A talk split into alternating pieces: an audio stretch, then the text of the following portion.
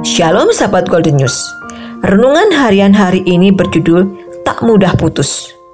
Kita akan merenungkan firman Tuhan dari Pengkhotbah pasal 4 ayat 12. Dan bila mana seorang dapat dialahkan, dua orang akan dapat bertahan. Tali tiga lembar tak mudah diputuskan. Sahabat Golden News, jika kita memperhatikan sebuah tali yang besar, sebenarnya terdiri dari serat atau tali-tali yang kecil. Inilah alasannya mengapa tali yang besar sangat sulit diputuskan. Untuk memutuskan tali yang besar, harus melalui proses memutuskan tali-tali yang kecil. Dan tentunya membutuhkan kekuatan atau tenaga yang lebih lagi. Ayat di atas menjadi gambaran bagi kita sehingga kita belajar mengenai pentingnya sebuah kesatuan. Dengan kesatuan, maka akan sulit dikalahkan. Kita sudah memiliki pengalaman sejarah akan bangsa ini.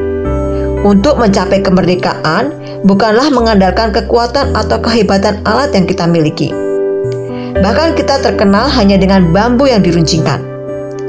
Namun justru karena kesatuan yang dibangun dari berbagai daerah dengan tujuan yang sama, yaitu kemerdekaan, maka kita bisa meraihnya. Dengan kesatuan, maka tidak mudah diceraikan. Oleh karenanya, miliki semangat untuk membangun sebuah tim yang solid. Ketika kita sendirian, maka akan mudah jatuh dan dikalahkan. Rasakan kekuatan ketika ada persatuan.